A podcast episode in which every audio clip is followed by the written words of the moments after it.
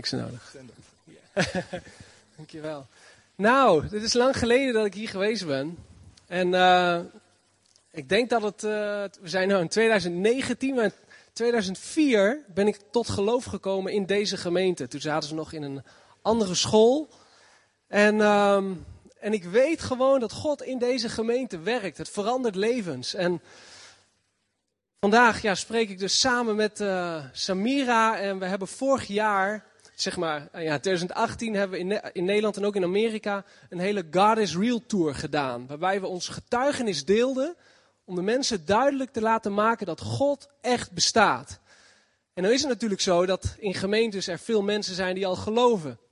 En onze hoop is natuurlijk altijd dat de mensen die al wel geloven, maar wellicht een stukje van die eerste liefde, waar in de Bijbel over gesproken wordt, dat ze misschien dat kwijt zijn geraakt, dat ze weer aangevuurd worden, dat ze weer gepassioneerd worden om dichter met Hem te wandelen. En ja, gewoon die, die, die diepe relatie met Hem weer te krijgen. En voor mensen die misschien voor het eerst zijn, is de hoop ja, dat ze wellicht vandaag voor het eerst een ontmoeting hebben met Jezus en met de levende God.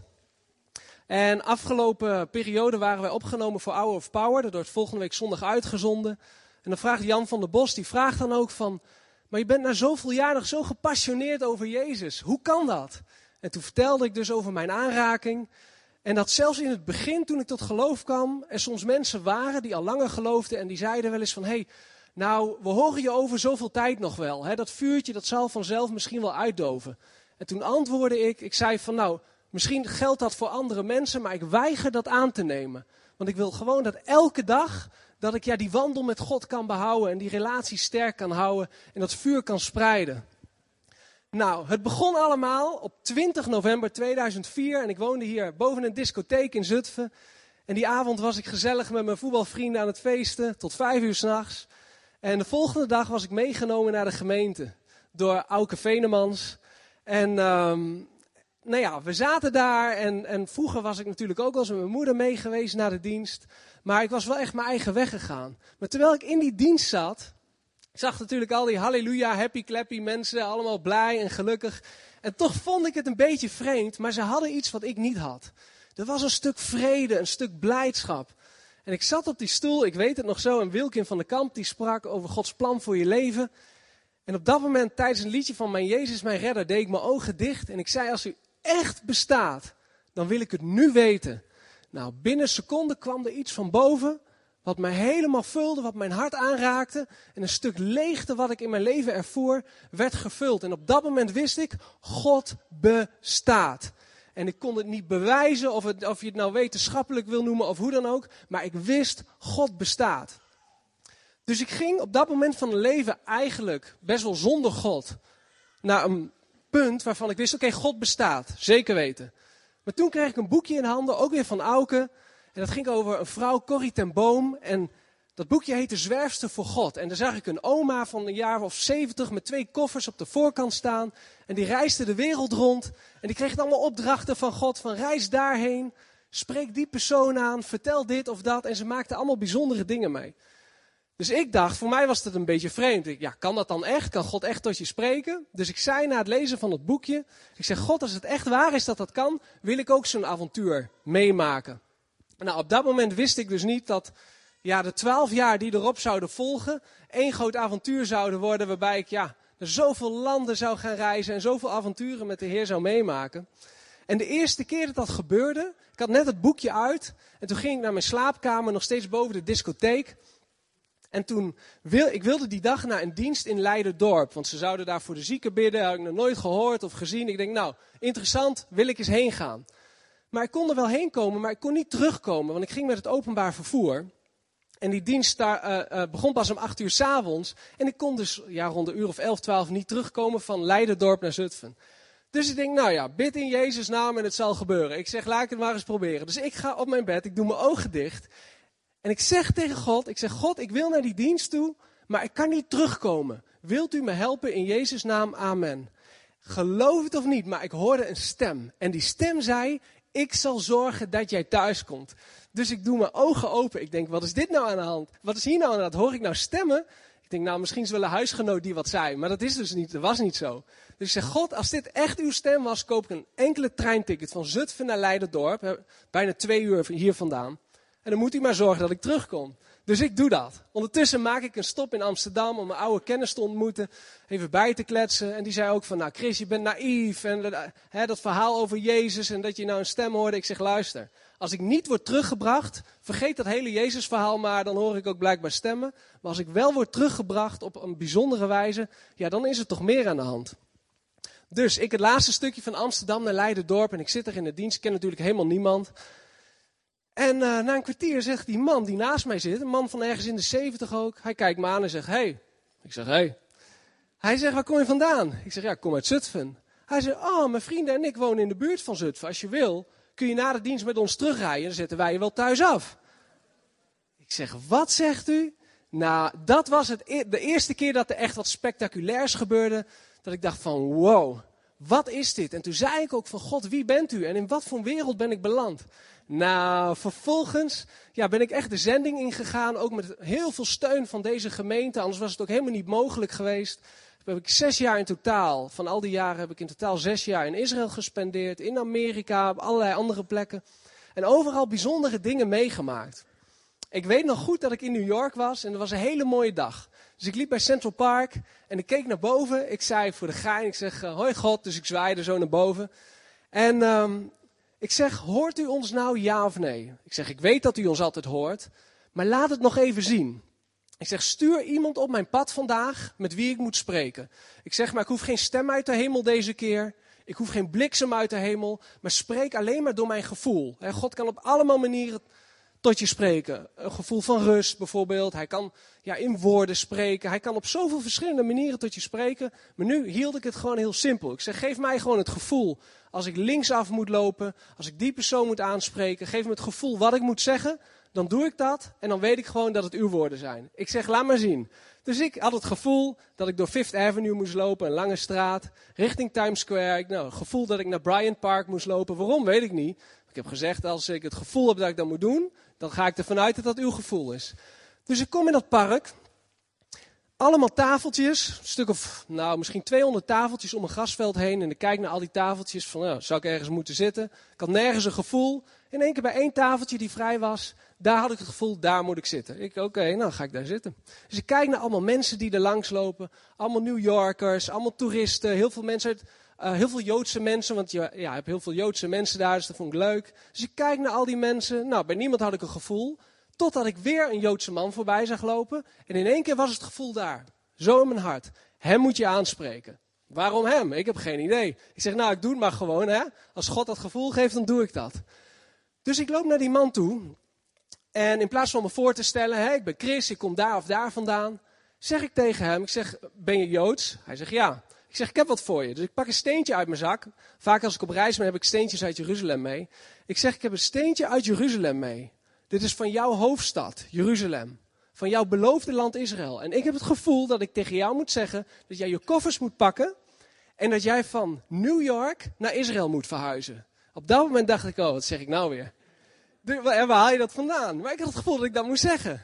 Dus hij komt naast mij zitten op het, uh, bij, het, uh, bij het tafeltje en we raken aan de praat. En hij zegt tegen mij, hij zegt, je kunt het geloven of niet. Hij zegt, maar de laatste periode ben ik aan het bidden geweest. Heb ik gevraagd, God, wanneer moet ik van New York naar Israël verhuizen? En nou kom jij naar me toe en zegt dat ik van New York naar Israël moet verhuizen en je geeft me een steentje van Jeruzalem.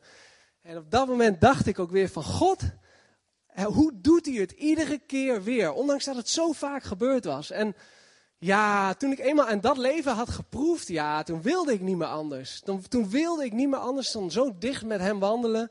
En ik weet nog goed dat, uh, dit is een van mijn, eigenlijk een van mijn mooiste verhalen.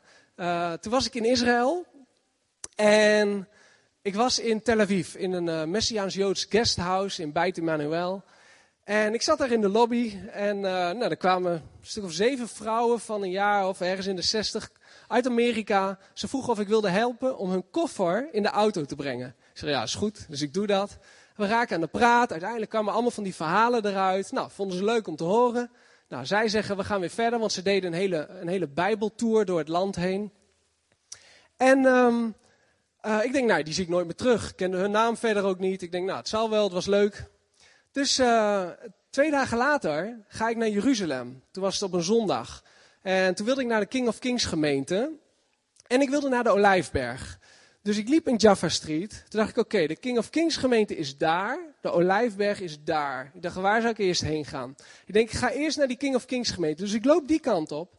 Terwijl ik daar loop, is die stem die spreekt. En die spreekt in mijn hart en die zegt: Ga naar de oude stad van Jeruzalem toe. Naar Christchurch. Dat is een guesthouse en ook een, ook een gemeente daar. Dus ik sta stil in shock van die stem die spreekt. Dus ik zeg gewoon hardop: Ik zeg ja. Ik zeg maar, ik moet die kant op of die kant. Niet die kant. Nou, het was zo sterk. Dus ik zeg: Oké, God, ik verander mijn plannen.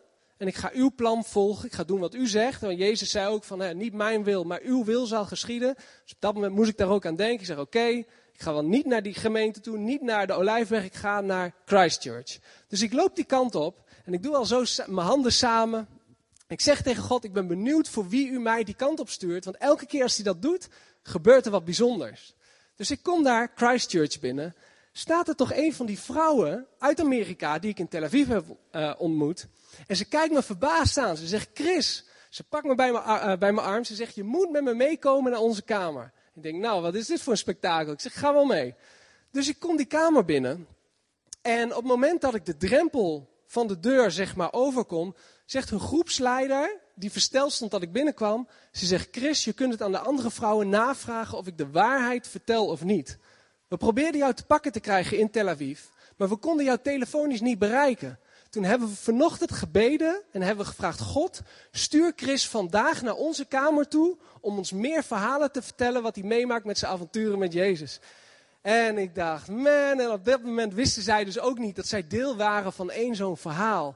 En um, weet je, ik kan serieus, ik kan gewoon nog uren dat soort verhalen vertellen. Maar wat ik eigenlijk van al die gebeurtenissen heb geleerd, is dat, ja, dat je echt gewoon met God kan wandelen. En het hoeft niet altijd op zo'n spectaculaire manier te zijn. Want ik begrijp natuurlijk ook dat er ook mensen zijn die gewoon, niet gewoon, maar die, die, die 40 uur werken. Wellicht allebei. Druk zijn met het gezin opvoeden en noem maar op. Kijk, ik was helemaal vrij. Ik kon lekker gaan en staan en hè, lekker uh, al die dingen doen. En, uh, maar ik weet ook dat God ook in je dagelijks leven dat hij er is. En dat hij je kan leiden. En ook gewoon als je in Zutphen op de markt loopt. En uh, de vraag is soms van, oké, als je op deze manier ook gebruikt zou willen worden, van, sta je er open voor? En ik ben wel heel bewust, het is dan even een praktisch gedeelte, ik, ik ben heel bewust, wandel ik met God en ben ik open van oké, elke keer als ik nu naar buiten ga, ik loop over de markt, van is er iemand die ik misschien wat van u mag zeggen of niet? En dat is altijd spannend.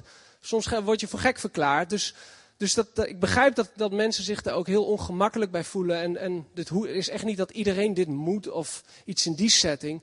Maar um, ook in het dagelijks leven kan het. Ik weet nog dat ik hier gewoon een keer op de markt stond in Zutphen. En uh, ik stond gewoon te kijken naar de mensen. En toen kwamen er twee uh, meiden aanlopen van een jaar of vijftien. En ik stond daar gewoon. En in één keer is die stem, nu zonder een, een hoorbare stem, maar nu sprak die in mijn hart. Dus ik, kan het niet goed uitleggen. Maar die zei in ieder geval: spreek het linker meisje aan en zeg dat ik van haar hou. Dus ik, ik toen was ik net uh, tot geloof. Dus ik wist nog niet hoe je tegen God moest praten. Dus ik zeg: Ben je wel helemaal lekker? Ik zeg: Ik ken dat hele meisje niet. Ik kan toch niet zomaar naar een wild vreemd persoon gaan en zeggen: Ja, God zegt tegen mij dat ik tegen jou moet zeggen dat hij van jou. Nou, die zullen me voor gek verklaren. Nou, het was zo sterk. Doe het. Dus ik denk: Oké, ik naar die meiden toe. Dus ik zeg: Luister. Waarschijnlijk ga je me voor gek verklaren. Maar toen ik daar stond, had ik het idee dat God tegen mij zei dat ik tegen jou moest zeggen dat hij van je houdt. Dat hij altijd bij je is en dat hij je altijd hoort en ziet. En op dat moment kreeg dat meisje de tranen in de ogen. Ze was een, een gothic, dus helemaal in het zwart gekleed, zwarte make-up. Ze kreeg de tranen in de ogen. En ze zegt, mijn vriendinnen geloven niet in God. En zij doen aan satanisme. Mijn ouders geloven niet in God en ik geloof niet in God. Maar twee dagen geleden heb ik in mijn slaapkamer gevraagd: God, als u echt bestaat, wilt u me dan een teken geven? En op dat moment kwam ze tot geloof. En dan denk ik van, wauw. Weet je, ook gewoon in Zutphen, op de markt, kan je gewoon geleid worden door, ja, door de Heer. En, en het is gewoon, het is in ieder geval, in mijn geval, één groot avontuur geworden. En na al die jaren dat in mijn eentje gedaan te hebben, kwam nog wel eens de vraag bij mij op. En ook als ik met vrienden aan het praten was van ja, ga je die weg altijd nou in je eentje bewandelen? Of komt er op een dag ja, een, een vrouw van God aan je zijde met wie je je leven mag delen en samen dat avontuur met de Heer aan mag gaan? En heb ik vaak over nagedacht. En toen ik 35 was, ik kwam terug van een reis uit New York. En, uh, en toen zei ik, oké, God, ik, over uh, vier maanden word ik 36. En ik heb ooit tegen u gezegd dat op 35 mijn max is. Dan moet ik haar tegenkomen, dus nu wil ik haar tegenkomen. En uh, dus, ik vertelde dat, dus ik had het ook met mijn vader erover en, en met Auke en met, met, gewoon met de vrienden. En mijn vader zegt, wil je er echt tegenkomen? Ik zeg, ja, ik wil er echt tegenkomen. Hij zegt, oké, dan bidden we wel. Ondanks dat er al honderd keer door heel veel geliefden voor gebeden was. En uh, dus mijn vader zegt, oké, God, wilt u ervoor zorgen dat hij de juiste vrouw treft en uh, gewoon echt een vrouw van u? Een week later stuurt mijn vader mij een bericht. Hij zegt, Chris, ik heb de Hour of Power gekeken en er zat een spontane vrouw, Samira. En, en ik, ik zag gewoon iets van jou in haar. Een spontaniteit en een liefde van Jezus. En jullie hebben een stuk van dezelfde culturele achtergrond. Maar het was nog niet eens van, hé, hey, dit wordt je vrouw. Maar gewoon, wie weet, hebben jullie gewoon een goede klik en kunnen jullie samen wat voor de Heer doen. Dus hij zegt, je moet die aflevering kijken. Dus ik kijk Hour of Power. Dus ik stuur een bericht. En uiteindelijk ja, hebben we toen afgesproken en zijn we bevriend geworden. En um, ja, anderhalf maand later uh, zijn we een stel geworden. En uh, ja, en het is echt geweldig dat we samen ons leven mogen leiden, samen de Heer mogen dienen. En uh, ja, ik kan alleen maar zeggen, spectaculaire vrouw en een spectaculair verhaal. Dus The floor is all yours.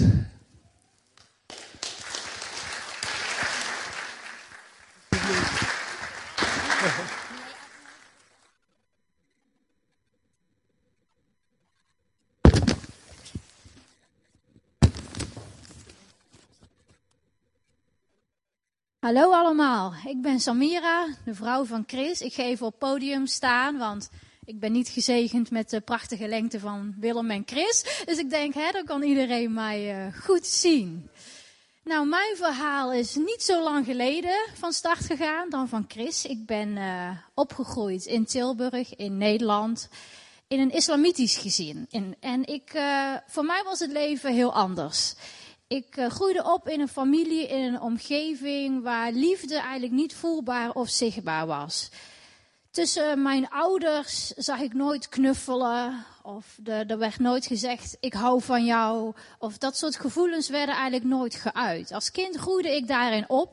Dat geldt ook voor tantes en ooms. Ook daar was er nooit een knuffel, was er nooit liefde. Het werd gewoon niet geuit op een gegeven moment word je ouder en ouder en dan komt er toch geen leegte. Want elk mens heeft liefde nodig. Hè? Elk mens hunkert daarna. Dat zit gewoon in ons. We zijn gemaakt om geliefd te zijn en liefde te geven. Die leegte werd bij mij steeds groter en groter, dieper en dieper, groter en groter. En in de islam kon ik geen liefde vinden, in mijn omgeving. Ik heb gekeken, ik heb erover nagedacht, jarenlang daaraan blootgesteld en ik kon het nergens vinden. Dus ik ging een andere weg in. Rond mijn tienertijd dacht ik, nou, hè, de islam, ik word, eh, dat is niet mijn weg. Dus ik ga een andere weg. Dus ik ging de westerse wereld in. Dus ik ging uit, ik ging drinken. Op een gegeven moment van het drinken ging het over naar blowen. Van het blowen ging het zelfs op een gegeven moment over naar harddrugs. En maar op zoek, hè, op zoek naar die liefde. Op zoek naar gewoon geluk en blij zijn en vrolijk zijn. Want er was zo'n diepe leegte. Wat inmiddels ook was veranderd naar diepe depressies. Maar ik ben altijd een sterke vrouw geweest. Dus het was niet zichtbaar waar ik doorheen ging. Ik ging altijd door, ik had altijd een lach op mijn gezicht. Maar van binnen ging ik langzaam dood. En dat, en dat ging niet stoppen. Het werd erger en erger. Ik zocht overal mijn geluk. Maar ik heb het nooit kunnen vinden. Tot op een dag. Ik was inmiddels bijna dertig. Dus we zijn even een stuk vooruit gegaan. En toen gebeurde er iets heel bijzonders in mijn leven. Het was zomaar een doordeweekse dag en ik ging slapen. En terwijl ik in mijn bed lag, nog wakker, werden mijn handen op een gegeven moment heel erg warm. En denk, hé, hey, dit is vreemd.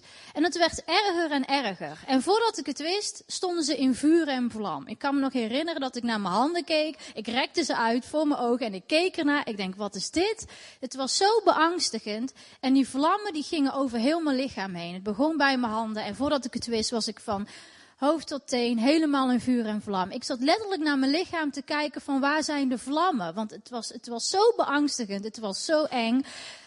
Het was zo heet, ook al zag ik dus niks. En ik denk, nou, mijn hart begon te kloppen en ik denk, dit is het. Ik ga dood. Ik dacht toen echt, het is een of andere aanval. Ik kon het niet plaatsen, maar het was zo beangstigend dat ik dacht, dit zijn mijn laatste momenten hier op aarde. In mijn leven heb ik, had ik tot dat punt nog nooit tegen God gepraat. Ook niet tegen Allah. Nooit, nog nooit. Ik heb God, ik had op dat punt God zijn aanwezigheid nog nooit erkend.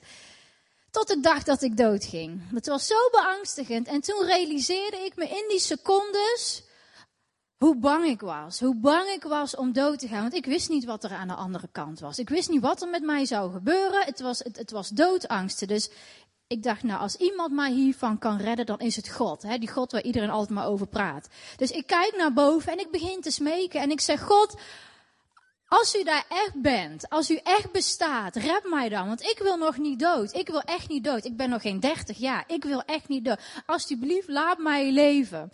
En voordat ik het wist, ging ik allemaal zonde beleiden. Terwijl ik op dat moment nog niet bewust was van zonde, hoe wij dat zijn. Maar ik wist gewoon diep van binnen dat er dingen waren die ik deed, die als er een God zou bestaan, dat dat niet zijn weg was. Dus ik begon te smeken. Ik zeg, God, als je wil, ik stop met blowen, ik stop met alle drugs, ik stop met roken, ik stop met mijn vriend. Want ik had een vriend, ik was niet getrouwd.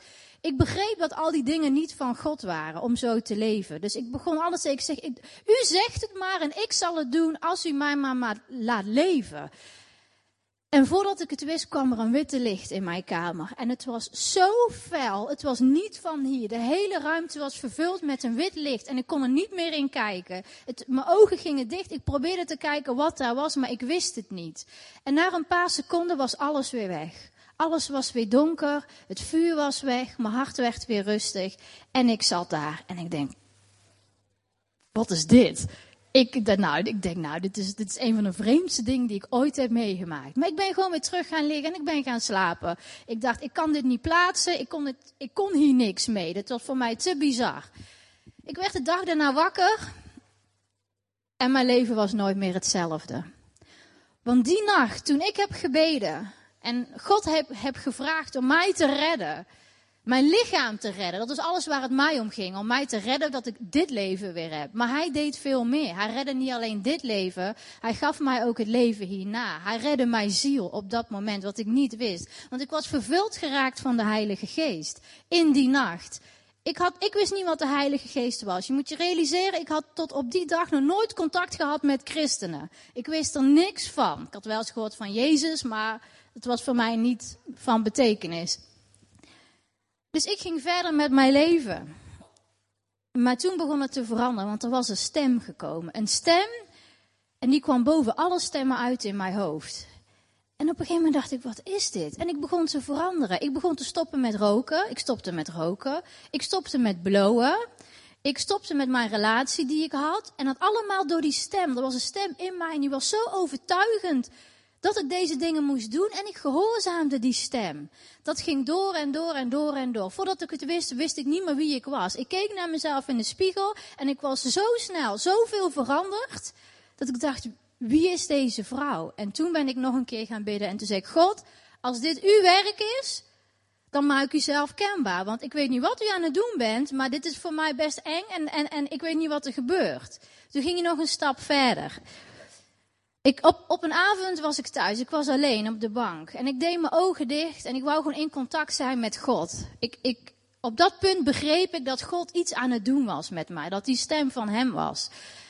En ik deed mijn ogen dicht en ik begon aan hem te denken. En mijn hart, die brak. Mijn hart brak gewoon door de helft. En terwijl mijn hart brak en ik voelde het in mijn borst, kwamen de tranen uit mijn ogen. En het voelde alsof er liters water uit mijn ogen kwamen. Al de pijn van al die jaren. Alles wat ik had meegemaakt. De trauma's. Alles. Alles van kleins af aan. Kwam er in één keer uit. En ik kreeg op, in die avond kreeg ik een nieuw hart. Net zoals wat God ons ook belooft. Maar je moet je realiseren, ik had nog geen Bijbel gelezen. Ik wist niet wat er gebeurde. Maar zijn beloftes werden waarheid in mijn leven. Nog voordat ik wist dat dat is wat God doet. Dus ik had vanaf dat moment een nieuw hart. En ik begon nog meer te veranderen. Ik had ineens liefde naar mensen die ik normaal niet had. Ik was een heel haatvol persoon geworden. Ik had geen liefde voor mijn medemens. Dat veranderde. Er kwam zoveel liefde in mijn leven. En het ging verder en het ging verder. Nog een dag. Het was weer zomaar een doordeweekse dag. In de middag. Ik was weer thuis. En op een gegeven moment voelde ik een pijn, diep van binnen. En ik val op de grond. En er was een vriend bij mij in huis. En ik begin te krijsen. En ik zeg, er gebeurt iets, er gebeurt iets. En ik kon het niet uitleggen, maar het was net alsof iemand zijn hand binnen in mijn ziel kwam en dingen eruit begon te trekken. En het deed zozeer, maar het was allemaal geestelijk en ik kon het niet uitleggen. En ik weet nog dat ik zei, het voelt alsof iemand mijn ziel uit mijn lichaam aan het trekken is. Dus je kunt je voorstellen als je het gevoel hebt dat je ziel eruit wordt getrokken, dat het nogal een eng en beangstigend gevoel is. Want ik kon het niet plaatsen. Maar wat er op, in die middag gebeurde is, ik had toen bevrijding. Ik kreeg zomaar op een doordeweek dag bevrijding van de Heer. De demonen werden gewoon één voor één uit mij getrokken. En ik voelde ze en ik hoorde ze schreeuwen. Ik hoorde ze schreeuwen, we moeten het land uit, we moeten het land uit. En ik roep en ik riep, we moeten het land uit, we moeten het land uit. Dus die vriend van mij is met de auto met mij naar België gereden omdat ik dus riep, we moeten het land uit. Maar wat ik riep, dat waren de demonen in mij. Want dit was hun land. Voor weet ik het al hoe lang zaten die in mij. En ze moesten het land uit. Want de Heer had geroepen en die zegt, jullie gaan er nu uit. En je moet je voorstellen, dit gebeurde allemaal met iemand die nog steeds geen Bijbel had gelezen en geen christen om zich heen had. Ik wist niet wat mij overkwam. Maar ook weer na die stap voelde ik weer een verlichting, voelde ik nog meer liefde. En stap voor stap kwam ik steeds dichter bij de Heer. Voor, we gingen weer een poos verder. Ik zat weer thuis. Het gebeurde allemaal in mijn, in mijn woonkamer. Ik had weer mijn ogen dicht. Ik wou weer in contact komen met de Heer. En voordat ik het weet, voel ik iets rechts naast mij. En ik voel dat er iemand aanwezig is. En ik doe mijn ogen weer open. Je kent het wel, dat soms iemand achter je staat en je voelt gewoon, hé, hey, er staat iemand achter me. Dat voel je. Dan had dat gevoel kreeg ik. Dus ik doe mijn ogen op en ik kijk naar rechts. En, en ik wist het, dat is Jezus die daar staat. En in mijn kleine woonkamer in Tilburg kwam Jezus bij mij op visite.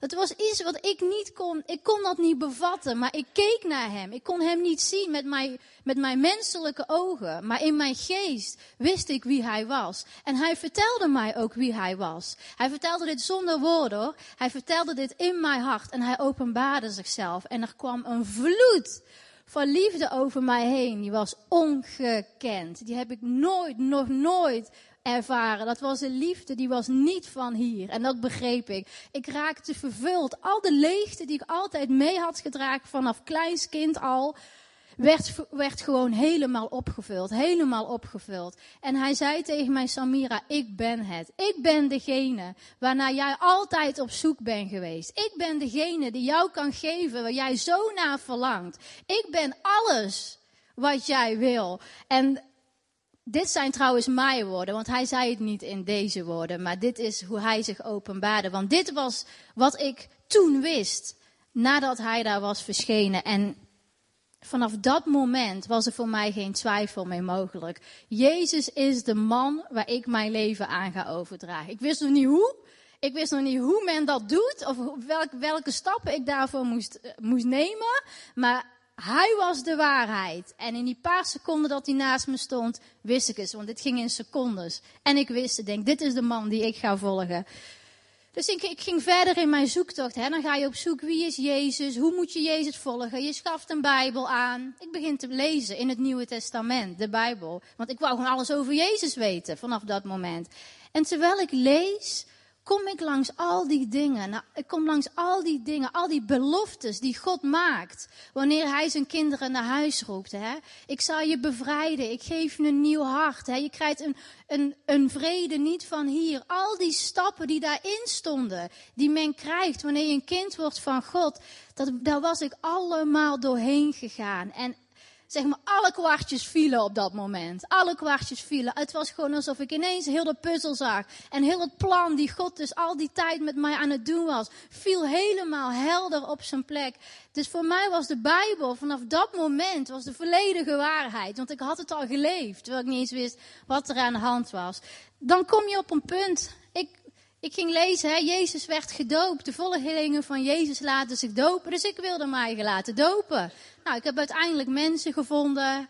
Ik heb me eigen laten dopen. En toen dacht ik, vanaf de doop is het volbracht. Dan ben ik klaar dan heb ik alles gedaan wat de Heer van mij zou verlangen. Maar wat ik toen niet wist, is dat het pas begint met de doop. Waarin ik dacht dat het volbracht zou zijn. Maar nee, nee, nee. Toen begon het echte verhaal pas. Want dan wil je gaan dienen. Je gaat op zoek naar wat wil God met mij leven? Hoe kan ik dit aan meer mensen geven? Want je bent helemaal vol van Hem. Dus ik ben toen een training gaan doen van drie weken om te leren hoe kan ik Jezus verkondigen. Hoe, doet, hoe doe je dat? Nou, drie weken intern cursus gehad. Dus ik ging leren hoe kun je mensen dopen? Hoe bevrijd je mensen? Hoe deel je het evangelie behapbaar voor mensen? Nou, al die dingen erin. En ik ben naar buiten gegaan en ik ben mensen gaan aanspreken. Net zoals Chris had ik ook die stem in mij die dingen begon te vertellen. Zeg dit tegen die, zeg dat tegen die. En een volledig nieuw avontuur was dus begonnen in mijn leven. Uiteindelijk heb ik dus een video hierover gemaakt met mijn getuigenis. Die is op YouTube gekomen. Misschien zijn er mensen die die dus al hebben gezien. Wat ik niet wist toen, wat God toen wel wist, is dat die video binnen een hele korte tijd door een half miljoen mensen bekeken zou worden. Dat was iets wat ik niet zag aankomen. Dat was voor mij heel heftig.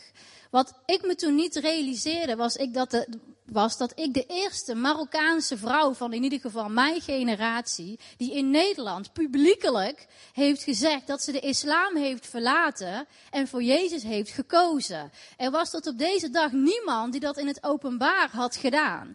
Dus je kunt je voorstellen dat. Uh, de islamitische gemeenschap daar niet heel erg blij mee was. Dus het was een heftige periode voor mij. Het was heel heftig. Maar er, zijn zoveel, er is zoveel vrucht uitgekomen. Want na mij zijn er nu meer die video's aan het opnemen zijn. Waar ik ook een bijdrage aan mag leveren. Die dus allemaal naar voren stappen zeggen. En ik was een moslim en ik volg nu Jezus, want hij is de waarheid.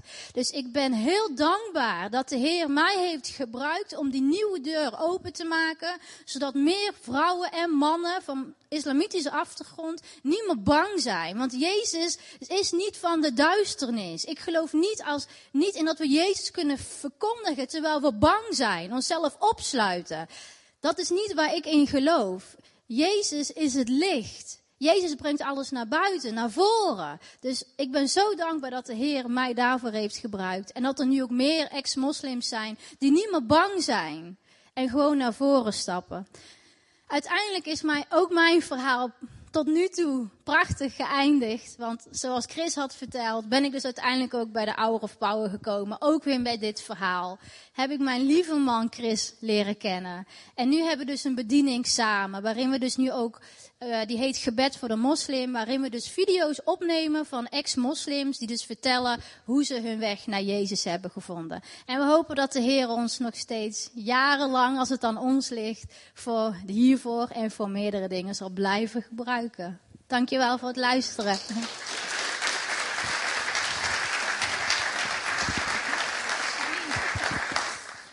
Nou, geweldig hè.